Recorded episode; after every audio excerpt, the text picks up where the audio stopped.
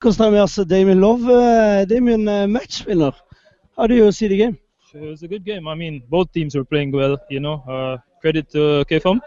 They did really well. You know, I I, I, I know I look, the players were good. Uh, the number eight, the playmaker, fantastic guy. You know, but uh, I think we've worked so hard. You know, and we deserved it. We deserved the win. Uh, it's been a long two weeks of preparation. You know, fighting in training, working hard. You know, and uh, it paid off today. Uh, now this uh, game is is over. You're gonna play two more games. How do you see the qualification for uh, Eliteserien? Uh, it's, it's now it really starts. Yeah, you know, you know, first of all, the journey. You know, it's three games.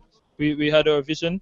The first one is over now. So take tonight to uh, celebrate and feel happy, and then uh, tomorrow we're back to the drawing board again, focused and ready to, to play the first leg at home.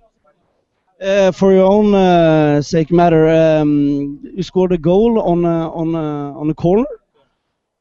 Describe the goal.